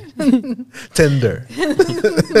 Det var, eh, det var liksom på den arenaen Sosialt, da. Og med fotballen. Definitivt så var det to arenaer som jeg hadde eh, høy selvtillit i. Um, men når det gjelder f.eks. faglig da, på skolen, så hadde jeg ikke det. Sånn akademisk da, i forhold til liksom matte og de fagene der, så var jeg sånn eh, Og da gjør man jo andre ting. Da blir man jo liksom klassens klovn da, for å uh, slippe å liksom Som en strategi, ja. ja. Så ja, jeg hadde stor, altså høy- selvtillit i noen ting, men andre ting så hadde jeg ikke det. Men jeg klarte å på en måte kompensere så det, gjorde, at det så ikke ut som jeg hadde noe problem med det. Det Ja, men det virka ja, som jeg hadde høy selvtillit overalt. Men det er, Liksom. det er forskjell, da. Fordi du visste at kanskje ikke selvtilliten din var innad. inn, innad. Mm. Er du med? Den er mye sterkere nå enn den var når du var 16. Nå skjønte jeg ikke hva du mente. Nei, men Utad så klarte du å stråle at du hadde høy selvtillit, men det er ikke gitt at det gjelder at du tenker Internt. internt, internt at det Nei, men jeg satt aldri liksom hjemme på rommet og tenkte faen ta. Jeg ble sint fordi jeg tenkte sånn faen, jeg fikk en treer i matte. Men allikevel så hadde det ikke noe sånn Det gjorde ikke at selvtilliten min på sånn totalt sett så ble den ikke dårligere. Det hadde ikke noe effekt på det. på. Nei, men effekten av det var jo at jeg mislikte skolen mer og mer. Så sånn sett så hadde det en eff dårlig effekt på Ja. meg, men selvtilliten min ble jo på en måte en sånn uh, Ja, igjen, da. Det er veldig snevert. Fordi, og det er det jeg mener med at jeg hadde sagt liksom, til meg selv at uh, prøv å heller se mye større på ting. Test liksom flere ting, og se om det er andre ting du også er god på. Enn at du bare liksom Ok, jeg har vært god i fotball siden jeg var liten, og så bare gjør jeg det. Og så, når ikke det fungerer, hva er det du erstatter det med? Det er det, da. Ikke sant? Så det blir den sosiale greia. og Når den sosiale greia også blir sånn «Æ, det er ikke så fett lenger, så må man jo ha noe annet å spe på, da. Ja, men jeg også følte kanskje Nå vet jeg ikke hvordan dere vokste opp, da, men jeg følte kanskje det var også en et tomrom hos deg? Eh, I forhold til Bare noe som eh, du savnet da, i livet ditt? Jo, jo, det, det var det selvfølgelig. Det var jo eh, Du kjenner jo til greia med faren min, og jeg har, jeg har jo ikke liksom mye familie i Norge, og sånne ting, så det var jo det. Absolutt. Så Men- jeg tenkte ikke på deg. Jeg tenkte han er liksom klassens klovn, og så var du veldig frekk. Ja. Og jeg var frekkere sikkert tilbake. Jeg Ja, tok vi, igjen. vi hadde jo mye fram og tilbake, vi Ja, to. ja. Jeg tok igjen. Jeg lot meg Ja, ja, bli bølla med, da. Men, men um, Og det er det jeg mener at For eh, hva er selvtillit? At man mestrer noe. ikke sant? Og hva er god selvfølelse? Det er at man har en, liksom, en god følelse inni seg. Så jeg tenker at uh, du hadde jo sikkert begge deler, men jeg også følte at det var en uh, at det var et savn i deg, og at det er derfor du også prøvde kanskje å dekke det over da, med andre ting. Absolutt. For det så jeg i deg veldig tidlig, da. Ja, men du er ikke Altså, du har helt rett. Det er jo ikke noe Det er, det er en ting man ser som regel senere. senere. Men uh, absolutt den tiden når jeg flytta til Haugen, så var det jo store endringer i livet mitt som gjorde at det ble veldig sånn uh, ubalanse i livet mitt. Og da ble det jo at man må kompensere i klassen og få seg en rolle. For dere hadde gått i eh, samme klasse nesten siden første. Så jeg kom jo inn der. Og det første var jo at nesten alle guttene kjente meg fordi vi hadde spilt når jeg spilte i KFM, så spilte vi mot Høybråten. Så de kjente til meg på den arenaen der, og da var det sånn OK, hvordan skal jeg komme inn her og bli kjent med alle så fort som mulig?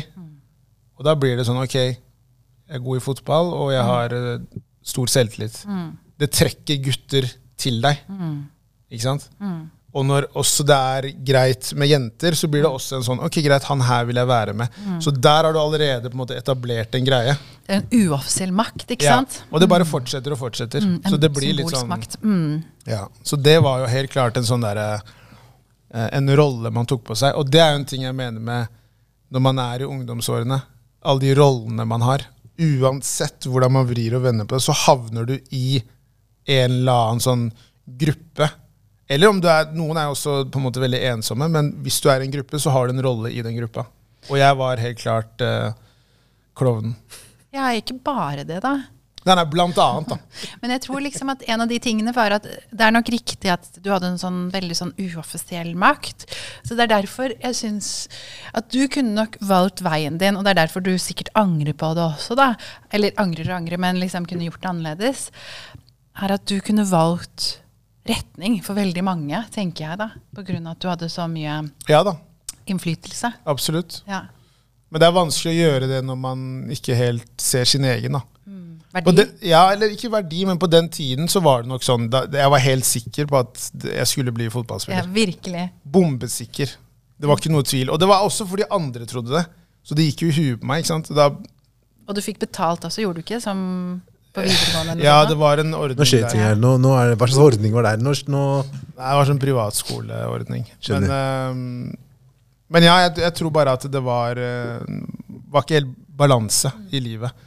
Og jeg husker jo veldig godt en sånn derre Haugen skole er jo veldig liten.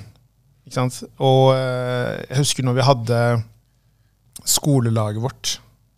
De vant jo liksom første skolemesterskap i Haugens historie. Og da var jeg liksom kaptein på det laget, og da gikk jeg i åttende klasse. Og det var veldig stor stas på den tiden. Og da husker jeg veldig godt at det var en sånn derre Ok, nå har jeg i hvert fall satt et liksom feste i Haugens historie på skolen, uavhengig om jeg gjør det dårlig på skolen eller ikke. Greit, jeg gjorde den der, så det skal du i hvert fall huske meg for. Og så ser vi hva som skjer videre i livet. Så det var en sånn Ok, det kom i avisa, det var liksom hengt opp på veggen, ramma inn. Helt coach Carter der borte. Pokal, pokalen henger der, eller? Hva sa du? Pokalen henger der inne? En gang til. Pokalen er der Jeg tror den er her ennå, ja. Skjønner. De har jo, gjort litt, de har jo pussa på Haugen skole, ser jo veldig annerledes ut nå. Så jeg håper de har beholdt den pokalen. Det burde de. Men uh, poenget er bare at du, du gjør jo ting eh, som du kanskje ikke tenker så mye over der og da, men jeg var nok veldig bevisst på at å sette en eller annen sånn derre eh, et merke etter meg, og det letteste for meg var fotballen. Det var en sånn sikker greie.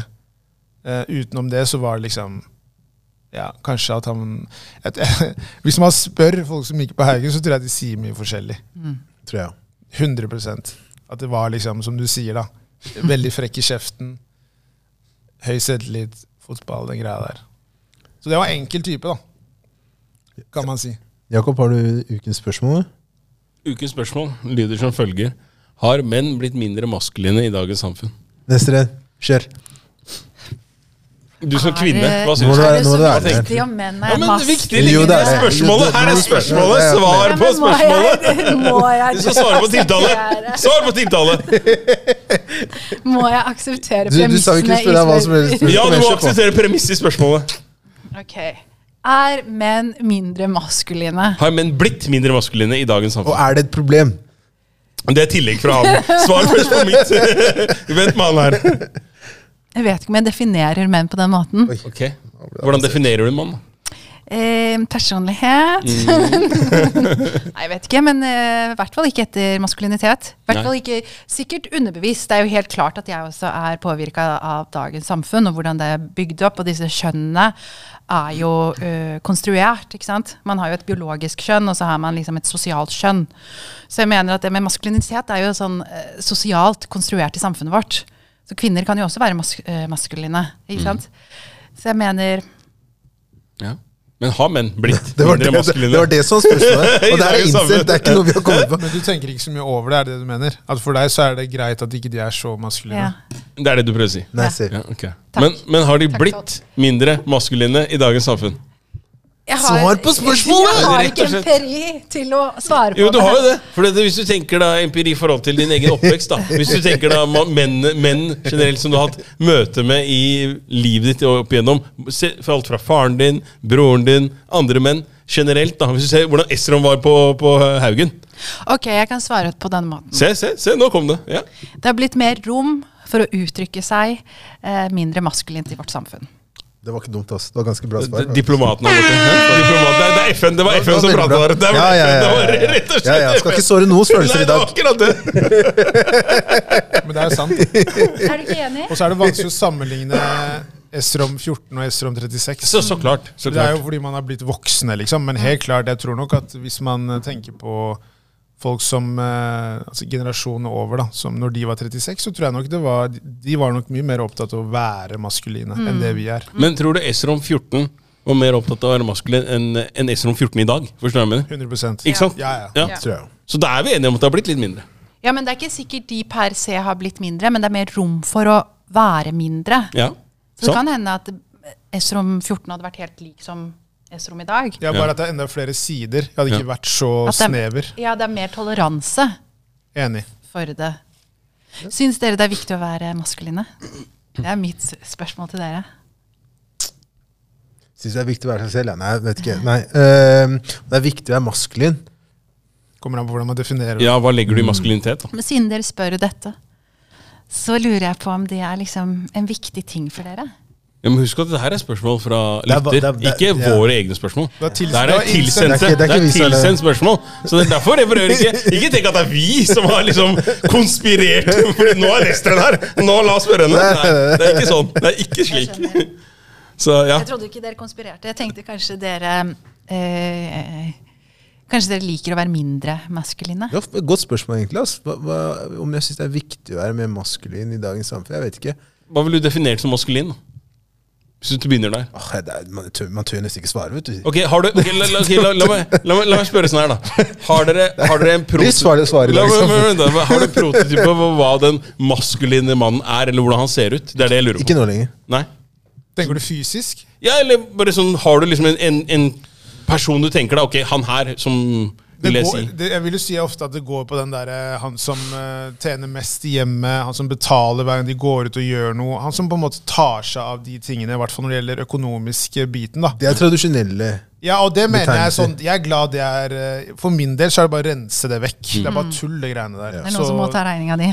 Ja, jeg tenker, jeg Det er også hyggelig. Det er også hyggelig. Det er også hyggelig. Jeg tenker kjør annenhver gang. Ja. For det blir, blir piss å si at det liksom eh, likestilling her og der, og så velger du bare godene fra likestillinga. Du må ta den andre siden også Absolutt. hvis man skal ha det likt. Så for meg så mener jeg at det er maskulin. Fordi ofte med maskulinitet så mener jeg ofte at det er veldig lett at det blir giftig. Og med det så mener jeg at eh, hvis en person gjør egentlig alt, altså sånn, i hvert fall økonomisk, så har du en, da har du en makt i det forholdet. Det skal sies. Da er det nesten sånn at du eier den andre personen. Og det er jo det gamle systemet i forhold til å gifte seg. Derfor tror jeg ikke så veldig på det. Fordi at det, det, var på grunn av det økonomiske. Kvinner giftet seg med mannen fordi de tenkte jeg kan ikke gjøre noe annet med mindre jeg har en mann som tar seg av alt økonomisk. Det er fremdeles fordeler å være gift. Økonomisk. Ja, Greit Faktisk. nok, men poenget mitt er bare at det, det, igjen så blir det en sånn derre Da er det plutselig en kontrakt, da. Ja. Ikke sant? Det er Ja. ikke kjærligheten. Ja, jeg, er er- med på det du sier. Jeg er helt med på det du sier. Så jeg mener at uh, det maskuline er Selvfølgelig, det kommer an på hvordan man definerer det. Det å være maskulin og føle seg som en eh, person som ja, har ting det meste på stell, det, det syns jeg på en måte er maskulint. Men å drive og liksom Nei, jeg tjener mer enn deg, og jeg skal betale for alt. Det er sånn Da, da, da blir det mer en sånn derre At du prøver å vise at du har mer makt, og det, Jeg har lyst- Jeg har lyst til å si at eh, det for meg å være maskulin, er det å være trygg på seg selv. Det, det, det syns jeg. At jeg, jeg tør å være meg selv blant liksom partner, de nærmeste, uten å liksom tenke over liksom, okay, at jeg må gå i en, en spesifikk rolle da, for å være liksom mann, eller hva man skal kalle det. Og det, det tror jeg er veldig sunt. da, At man har en sånn At man tenker at ok, jeg ønsker å gjøre det fordi jeg ønsker å gjøre det. Ikke fordi du tenker at hva, hva kommer andre mennesker til å tenke om det. Ja. Fordi det er en greie man gjør veldig lenge i livet som kar. kar. Og det er noe jeg har følt på. At jeg kunne gjøre ting, jeg kunne kjøpe ting, ha på meg ting der jeg tenkte at ja, men det er det som forventes. Jeg må gjøre det de andre gutta gjør. Og så er det sånn, men er det egentlig det jeg ønsker å gjøre? Sånn som for eksempel, da. Nå kan jeg gå liksom, om det er eh, bare, Sånn som bare med musikk, da. Jeg hører på all slags musikk nå. Ja. Før gjorde jeg ikke det. Før så var det Jeg skal høre på hiphop. Fordi det er det som forventes at jeg skal høre på. Men nå er det sånn Nei, nei, nei. Jeg hører på akkurat det jeg ønsker å gjøre. Om det er en artist fra Island eller Mali, eller om det er fra Nigeria eller Eritrea eller India. Jeg driter i det. Det er ingen som kan si til meg «Esrom, hva skjer, hva er det du hører på? Bro, du må åpne øya dine. Det er mer i verden enn liksom amerikansk kultur. Skjønner du hva jeg mener? Så akkurat der er veldig sånn det å være trygg på seg selv og tenke at eh, at man gjør de tingene som man ønsker å gjøre, det tror jeg er veldig viktig som en mann. At flere burde gjøre det. Da tror jeg det blir mer gøy å oppleve ting. Jakob? Vil du høre svaret mitt? Bra svar. Oh. Vil, du- vil du høre svaret mitt? Jeg tror ikke du hører svaret mitt. Hold det kort, da, vær snill. Jeg skal, jeg, skal, holde- jeg skal holde det veldig kort. Eh, om folk har blitt mindre maskuline i dag Det er løgn å si nei. Det blir ikke kort. Det er løgn å si nei. Men den åpninga der så ikke kort. Når du ser at øya hans er i taket der er, Ta- ta- ta det er løgn- det er løgn å si nei. Jeg bare, jeg bare, ja, men jeg bare, jeg bare tenker, ok nå, nå spørs det helt, da, selvfølgelig, sånn som dere sier. Hva, Du kan Hva, gå på do imens. hva, hva, hva liksom maskulinitet er, og hva det skal defineres som, og alt dette her. Jeg vil si da at eh, maskulinitet, hvis du tenker det sånn typisk, da, så vil jeg si at det er så, sånne ting, sånn, sånne enkle basic ting, da, som sånn det å si bytte dekk og de tingene her, vil jeg kanskje si kanskje er maskuline ting, hvis jeg kan si det sånn. Handy. Sterk og handy. Er ikke sterk. Sterk er ikke nødvendigvis en maskulin greie. Men, men, men, men er tidlig, ja, ja. Jeg er 80's baby. Du gikk rett på hjul, ja. Ja, rett på hjul. Rett på hjul og motor, hjul og motor og skru og i det hele tatt. Nei, men liksom sånn, Så jeg har, jeg har de forestillingene der i forhold til hva som er klassisk maskulinitet, hvis du kan si det sånn. Og i dag så Det har blitt for mye pencil, pencil pushers, dessverre. Og med det så Hva, hva mener du? Med pencil pushers så mener jeg for mye kontor, eh, kontorrotter. For mange folk som er for glad i duppedingser og ting som, som funker, eh, men ikke at man nødvendigvis veit hvordan man skal gjøre noe med sine egne hender. hvordan man skal... For lite ute i naturen. Rett og slett. altså det er Bare, bare sånne enkle ting som bare du Speiderlaget på Tveita! Jeg trenger sier ikke at du trenger å være med i noe speiderlag, eller sånt, men jeg bare sier det sånn De her eh, Hva skal jeg si Sånn generelle eh, Generelle sånne Generell kunnskap, da. Som jeg tenker sånn alle burde kunne, på en måte. Som er veldig sånn ABC for meg. Ikke sant? Typisk da, sånn, Si om det er bytte dekk, om det er sånn, gjøre sånne småting. Det vil, kanskje jeg vil definere som maskulint. Um, og så uten at jeg har en sånn ramme for hva jeg vil definere som feminint. Er du med? Det er ikke, det er ikke sånn at jeg alltid, når jeg vokste opp, jeg har alltid vokst opp med Jeg har tatt oppvask, jeg har eh, rydda rommet, jeg har bretta klær. Liksom, de er veldig sånn på de tinga der. Um, Tenker du at det er feminint å gjøre det? Nei, jeg tenker ikke at det er feminint, det er veldig mange som tenker at de tingene der vil være feminine. Jeg bare sier at for meg så er ikke det nødvendigvis et parameter jeg vil bruke. Eh, for å definere femininitet på noe som helst måte. Nei, jeg prøver ikke å ro noe som helst sted. Jeg prøver ikke å ro noe som helst sted, Kelle. Ehm, så jeg, jeg, vil si, jeg vil si at uh, Det er tydeligvis det du er på nå. Nei, det er ikke det. Veldig det, er- det er ikke det. Jeg kunne vært mye mer Sandvika vokal. april. Jeg kunne vært mye mer vokal. Uh, men ja, jeg vil si at det, menn har blitt mindre maskuline i dag. Uh, og det, det går egentlig bare en, ene og alene på det her med praktikalitet og det å på en måte uh, kunne, kunne ting, ha kunnskap utover liksom det å bare lese en bok. Jeg har lest teorien på hvordan jeg skal gjøre ditten datten, men du har aldri gjort det i praksis. Ikke sant? Det, det er bare, bare sånne, sånne småting. Det er ikke noe Uten at jeg vil si at det, mannen derav har blitt svakere. Fordi det er ikke det det handler om. Det er ikke det det handler om i det hele tatt. Kan jeg si min Ja. observasjon? Kjør. Jeg føler at dere snakker om det å være mann. Ikke sant? Du sier det å være trygg, sånn og sånn. Ikke sant? Og det at man har forskjellige ferdigheter. Og det Så egentlig så føler jeg at dere snakker om hva slags forventninger som har eh, vært forventet av dere i et samfunn. Og nå hva dere, hvordan dere vil definere det å være mann, da. Det kan være enig. 100 jeg, jeg, jeg kan si det rett ut. Det, på en måte, jeg, jeg er veldig klar over at det har vært en viss forventning eh, når det gjelder meg som en, en svart mann. Det, det er ikke noe å legge skjul på i det hele tatt. Og andres syn har jo vært snevert i forhold til meg.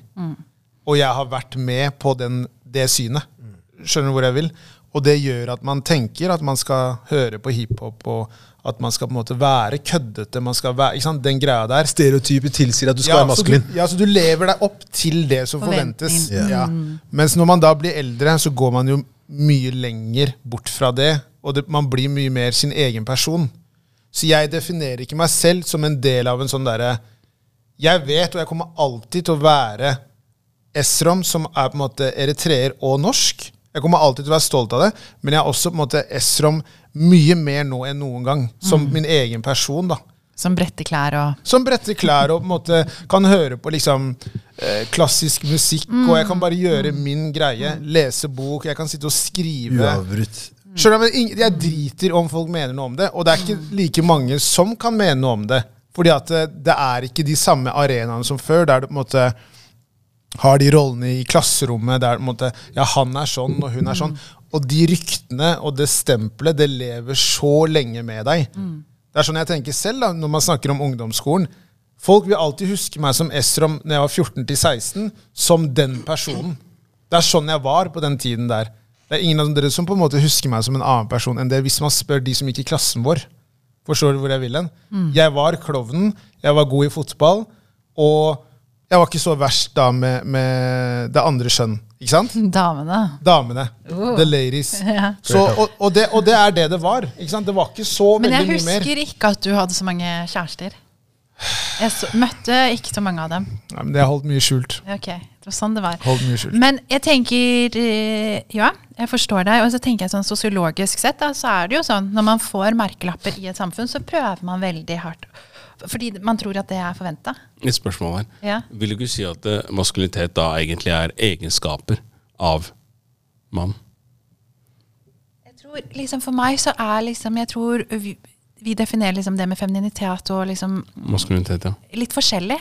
For jeg Ja. tenker ikke det har noe med det å være en mann. Men la oss bare gå til eh, den store norske eh, leksikonet her. Jeg synes Og se hva definisjonen her er. Ja. Maskulinitet er et fellesnavn på de egenskaper som tradisjonelt karakteriserer den mannlige personlighet, i motsetning til den kvinnelige. Ikke sant? Ergo, sånne ting som vi snakker om her, det her med uavhengighet, ikke sant? Det, det å på en måte tørre å, altså attributter, og det tørre på en måte å gå og gjøre ting eh, på sin egen måte, ikke sant? gå sine egne veier og de tingene her, er vel det som klassisk da har vært forbundet opp mot maskulinitet. sant? Ja, men man, at det er en At man forbinder ordet maskulinitet med å være mann.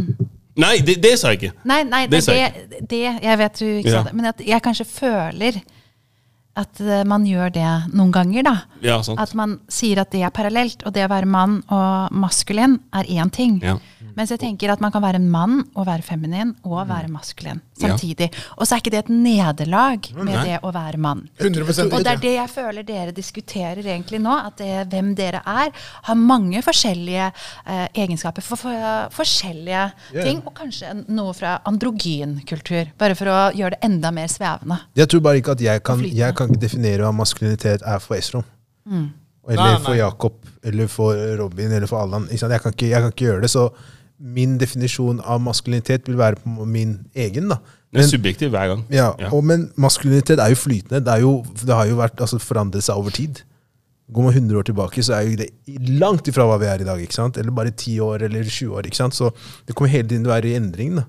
Jeg tenker at jeg har veldig mange maskuline egenskaper. Hvis man går liksom sånn fra Det har du. eh, Ikke sant? Per definisjon så har du det. Ja, mange av de Meget. Ja, Ja, takk, faktisk. takk. Jo, men, nei, men det, er, det er jo sant. Ja, det er Ja, men, sant. ikke- ikke- du? ja, men, uten, nei, men uten at det skal være negativt. Jo, men hvis du tenker, da. For det er også at ekstremt press. Nei, men for at, ja, men hør nå. hør nå Ja. For at Hvis vi skal bruke den, den, den, den rammen av definisjon som er du satt her godt ja, ja, men Hvis du skal bruke den rammen, av defini den rammen som er satt her da, til å definere det, så er det klart at det Nestlé sier, er 100 korrekt. For hun gjør jo da det motsatte av det som er forventet til da hennes kjønn, hvis du sier det sånn. I forhold til det feminine og de type, ting, de type tingene. Fordi Hvis du ser etter definisjonen på femininitet, så vil ikke det være da de her attributtene som er for mannen. At man går egne veier, man prøver å gjøre eh, ting på egen hånd og, og de type tingene. Og der har jo du vært veldig dyktig sånn, i form av at du har vært, vært på dette og, og Kanskje følg drømmen din, da, hvis du sier det sånn, i større grad, eh, vil, jeg, vil jeg si. Kanskje feil ord, ordbruk. Nei, jeg er med deg. Jeg er med, Jo, jo, men- jeg er med på tanken. Ikke heng deg opp i ordet 'drømmen', du. Ja. Slapp av, Kille. Ja, ja, absolutt. Og jeg tenker at kanskje min feil var at jeg aldri fulgte noen. Ja, du, var, du sto jo på en måte mer eh, Hva skal jeg si På egne bein. På egne bein og liksom eh, gikk litt mot eh, strømmen. Veldig Og det maskulint. var veldig liksom Det var veldig rart på den tiden der. Maskulint, veldig Og så ble du jo på en måte Du ble jo sett på som litt vanskelig av Og du, jeg syns du ofte krasja med andre jenter. Du er enig? Jeg husker ikke, men kanskje. Jeg ja. husker det. Jeg husker mye fra den tiden der. Jeg hadde ikke så mange. Det er helt riktig. Ja. Jeg skal jo trøste alle fiendene dine, skjønner du. Det er du, det er derfor jeg alltid meg. I see, I understand. Baby, Når er det det er jentekveld, da? Løven. Men det er sant, jeg hadde ikke Men det er sant, jeg, ikke, det var ikke, jeg hadde ikke så mye forhold, men det var uh, Mange damer her og der. Entanglement. Ja. Men, men, men jeg husker jo som, som sagt da, at du var Og det tror jeg må ha vært veldig vanskelig på den tiden. At Mm. du følte igjen at ok, greit, jeg mener ting, og Mm. jeg vil ikke på en måte backe unna en diskusjon fordi jeg er en jente og diskuterer med en kar. Mm. Jeg føler at du tok mange av de kampene som egentlig er en veldig bra ting, men er vanskelig som en 14-15-16-åring på ungdomsskolen. Fordi man er, man er sauer, da. Så du skal på en måte helst tilhøre en eller annen sånn sekt. Og du hadde jo ikke den sekten på den måten der. Du var mer sånn Jeg er Nestren, aka J.Lo from the Black. Og det var en sånn Igjen. Men jeg tror at det har gagna deg i senere tid. Jeg kalte aldri bare liksom, La oss få det klart. Jeg kalte aldri meg selv J.Lo. Hun Aldri. Hun gjorde det. Hun sa, hun sa, hun sa hun er J.Lo, så sa hun jeg er Ja Rule. Ok! Fornærmelse mot Estron, men ok, greit. Han lille korte karen her, ja. Hallo, han var jo Hør nå, hør nå. Det, det er en ting vi må si. Hør nå, Nesteren elsket Ja Rule. Og jeg, og jeg skjønte aldri det. Nei, Det er var sant. den første som sa Jarul er kjekk. Jeg bare, du kan, det det ikke mene! Han ser ut som en bever! Du kan ikke mene at Jarul er kjekk. Hun bare, jo, jo, han er så kjekk. Se på musklene hans! Se hvor sterk han er! Jeg bare, nei, nei, Nesteren. maskulinitet, ja! Kan jeg spørre, kan jeg spørre om hvilken musikkvideo du henta han fra? da? Det han sikkert. Always on time. Always on time. Der har du den. Det. Og Nelly husker jeg du likte også veldig godt. Ja, og Ja, men Nelly var varm på den tiden. 100 Han var mye varmere enn eh, det er ingen som snakker om meg uten å nevne musikk. Nei, nei, nei, og det skal sies, da. At Du var, jeg eh, lagde, jeg hadde en stor katalog, jeg delte musikk, jeg ga dere CD-er. Okay. Jeg holdt på med den musikkgreien min. Og det er kanskje det som redda meg også, da. Eh, men det er nok Altså, jeg vokste opp med en veldig sterk mor og en pappa som har stilt krav til meg, da. Og eh, kurdere er kvinner, er likestilte når det kommer til eh, å være frihetsforkjempere. Så eh, hvis noen eh, slo meg eller noe sånt nå, så var faren min sånn Du slår tilbake. Og vi øvde med Og det var liksom sånn at eh, det var forventninger til at jeg skulle forsvare meg selv. Men jeg husker at eh, jeg sto opp for veldig mange av de jentene som også hadde det vanskelig. Nå behøver jeg ikke å nevne navn, jeg husker ikke om du Ja, husker ja. det. Jeg husker det. Og det er flere av dem som ble Noen av dem ble jo liksom sånn banka og fulgt hjem. Og jeg liksom Stilte opp. Ja, passa på at det ikke skjedde da. Så det er nok sant at det var ikke så viktig for meg å følge flokken. Og jeg syns det var så teit når disse guttene liksom sa noe de ikke liksom kunne. Så jeg gikk i strupen på mange. Det er Ja, og forklarte liksom det, det er det Ja. det betyr, ikke det du sier og sånn. Jeg Ja, husker ja. det. Og Husker det. at det var jo vanskelig i klassen også. For jeg likte ikke læreren alltid. Og, Ja, så var du sånn, du var jo veldig moden for alderen. Så du ble nesten som en slags sånn derre uh, Arseth, nå kommer Nesteren med det riktige svaret her. Skjønner du? men? Litt sånn der, man, hvis det var en diskusjon, da, så kunne du på en måte komme inn og bare sånn Nei, det er ikke det det på en måte er. Det er det her det betyr. Du burde ikke si det, osv. Så, videre. så du var en slags sånn storesøster egentlig blant folk som var på samme alder i den klassen. Men forstår du da hvorfor du kanskje også har blitt sett på som litt sånn type maskulin, da, hvis du sier det sånn? For at du er jo veldig ulik da hva typisk jenter var på din tid, hvis du kan si det på den måten. Du var jo, som du sier, du sto imot strømmen, ikke sant? Og Jeg var sta. Jeg var veldig Ja, Mens alle andre kanskje var litt sånn yes-men, så var du veldig sånn, vent nå litt, hva, hva er det du sier for noe? ikke Mm. Du, sånn, som du sa innledningsvis her også, du var irritert i deg over at folk ikke var reflekterte. Mm. Ikke sant? Det, det, det sier mye når, du- når du går i åttende klasse og tenker at eh, hvorfor er det ingen som reflekterer over ting her? Ja. Nei, Det er, eh, ja, jo, jo, jeg tror jo Vi hadde en til. Eh, nordlending. Som også var ganske sta, føler jeg. Mm. Og det også var liksom de kunne jo, det, Du var to tyr som bare måtte, Er det sant? Jeg husker ikke det med henne. Nei, men, Det har jeg eh, sikkert glemt. men du husker det godt. nei, men det er jo, det er jo ikke sant? Det var jo mange som tenkte som Nesteren og kunne være sånn, men det var ikke mange i klassen vår. Nei. Så for henne så ble det jo litt sånn at man føler at man måtte stå litt sånn alene. Da. Jo, men når hun er så vokal, da, så skulle det bare mangle. Ja, liksom, og det er det jeg har tenkt litt, litt sånn øh, I etterkant så har jeg tenkt sånn Å, hvorfor opplevde jeg så mye motstand og sånn? Og så tenker jeg at jeg har alltid hatt lyst til å endre narrativet. Altså når jeg uh, leste historiebøker, så var jeg sånn Hvorfor skriver dere bare om andre verdenskrig? Hvor er Palestinakrigen? Og hvor er liksom den kurdiske historien? Så jeg har alltid hatt et problem med narrativer. Og de, de har jeg prøvd å endre og liksom heve en stemme for det. Så det er nok det som også har vært en en utfordring både for meg personlig, men også sånn for omgivelsene mine. da. Men når det er sagt, så tror jeg at jeg hadde det også bra på ungdomsskolen. Jeg håper det. Ja, jeg tror det liksom på Det- mange det vet jo måter. du bedre enn noen ja, andre. på mange måter så hadde jeg det. Og jeg tror at jeg kanskje ikke fant liksom Eller jeg var ikke så interessert i å finne min crowd i klassen. Men eh, mange av dem, eller ikke mange, noen av dem er vennene mine enda. England, England var målet fra tidlig av. Det var det. Absolutt. Og jeg pleide å i pausen å gå til mediatek og bare sitte der. Men også sånn at uh, på juleballet vårt så det ble jeg godt im- mottatt. Ikke av eh, klassen vår, men av alle andre klasser. Så jeg tenker at det er nettopp det. Så jeg tror bare at det var liksom at jeg hadde gått med dem i ti år. Og jeg hadde helt andre ambisjoner.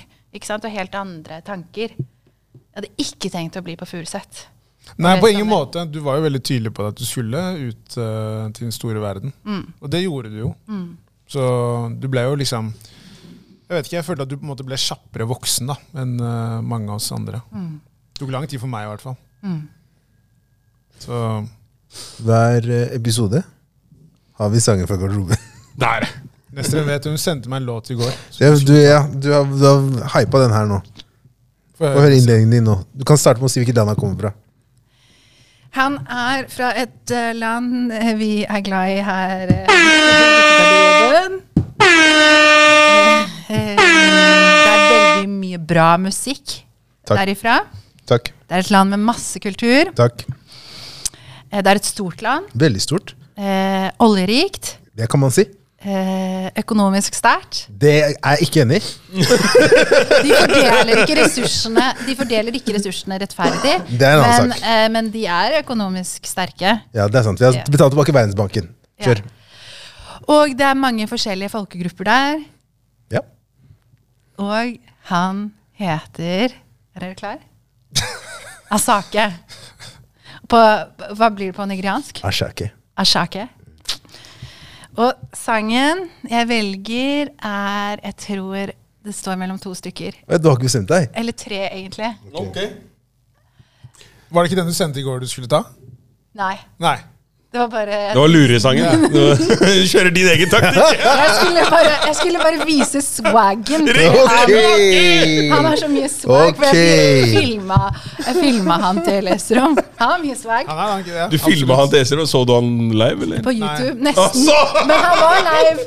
YouTube hørte Eser, hørte du det? Han var- YouTube! Han er rå, han er helt rå. Fra hun, hun, til tåa. Else i Eneste iraner som går med snowboardsko i Nigeria. hun så jo på eh, YouTube på TV-en sin, og så skrev hun 'Jeg har en låt til uh, Guttegarderoben-episoden i morgen'. Jeg går for Organize. Den er fin. Organize! Den er fin, den der.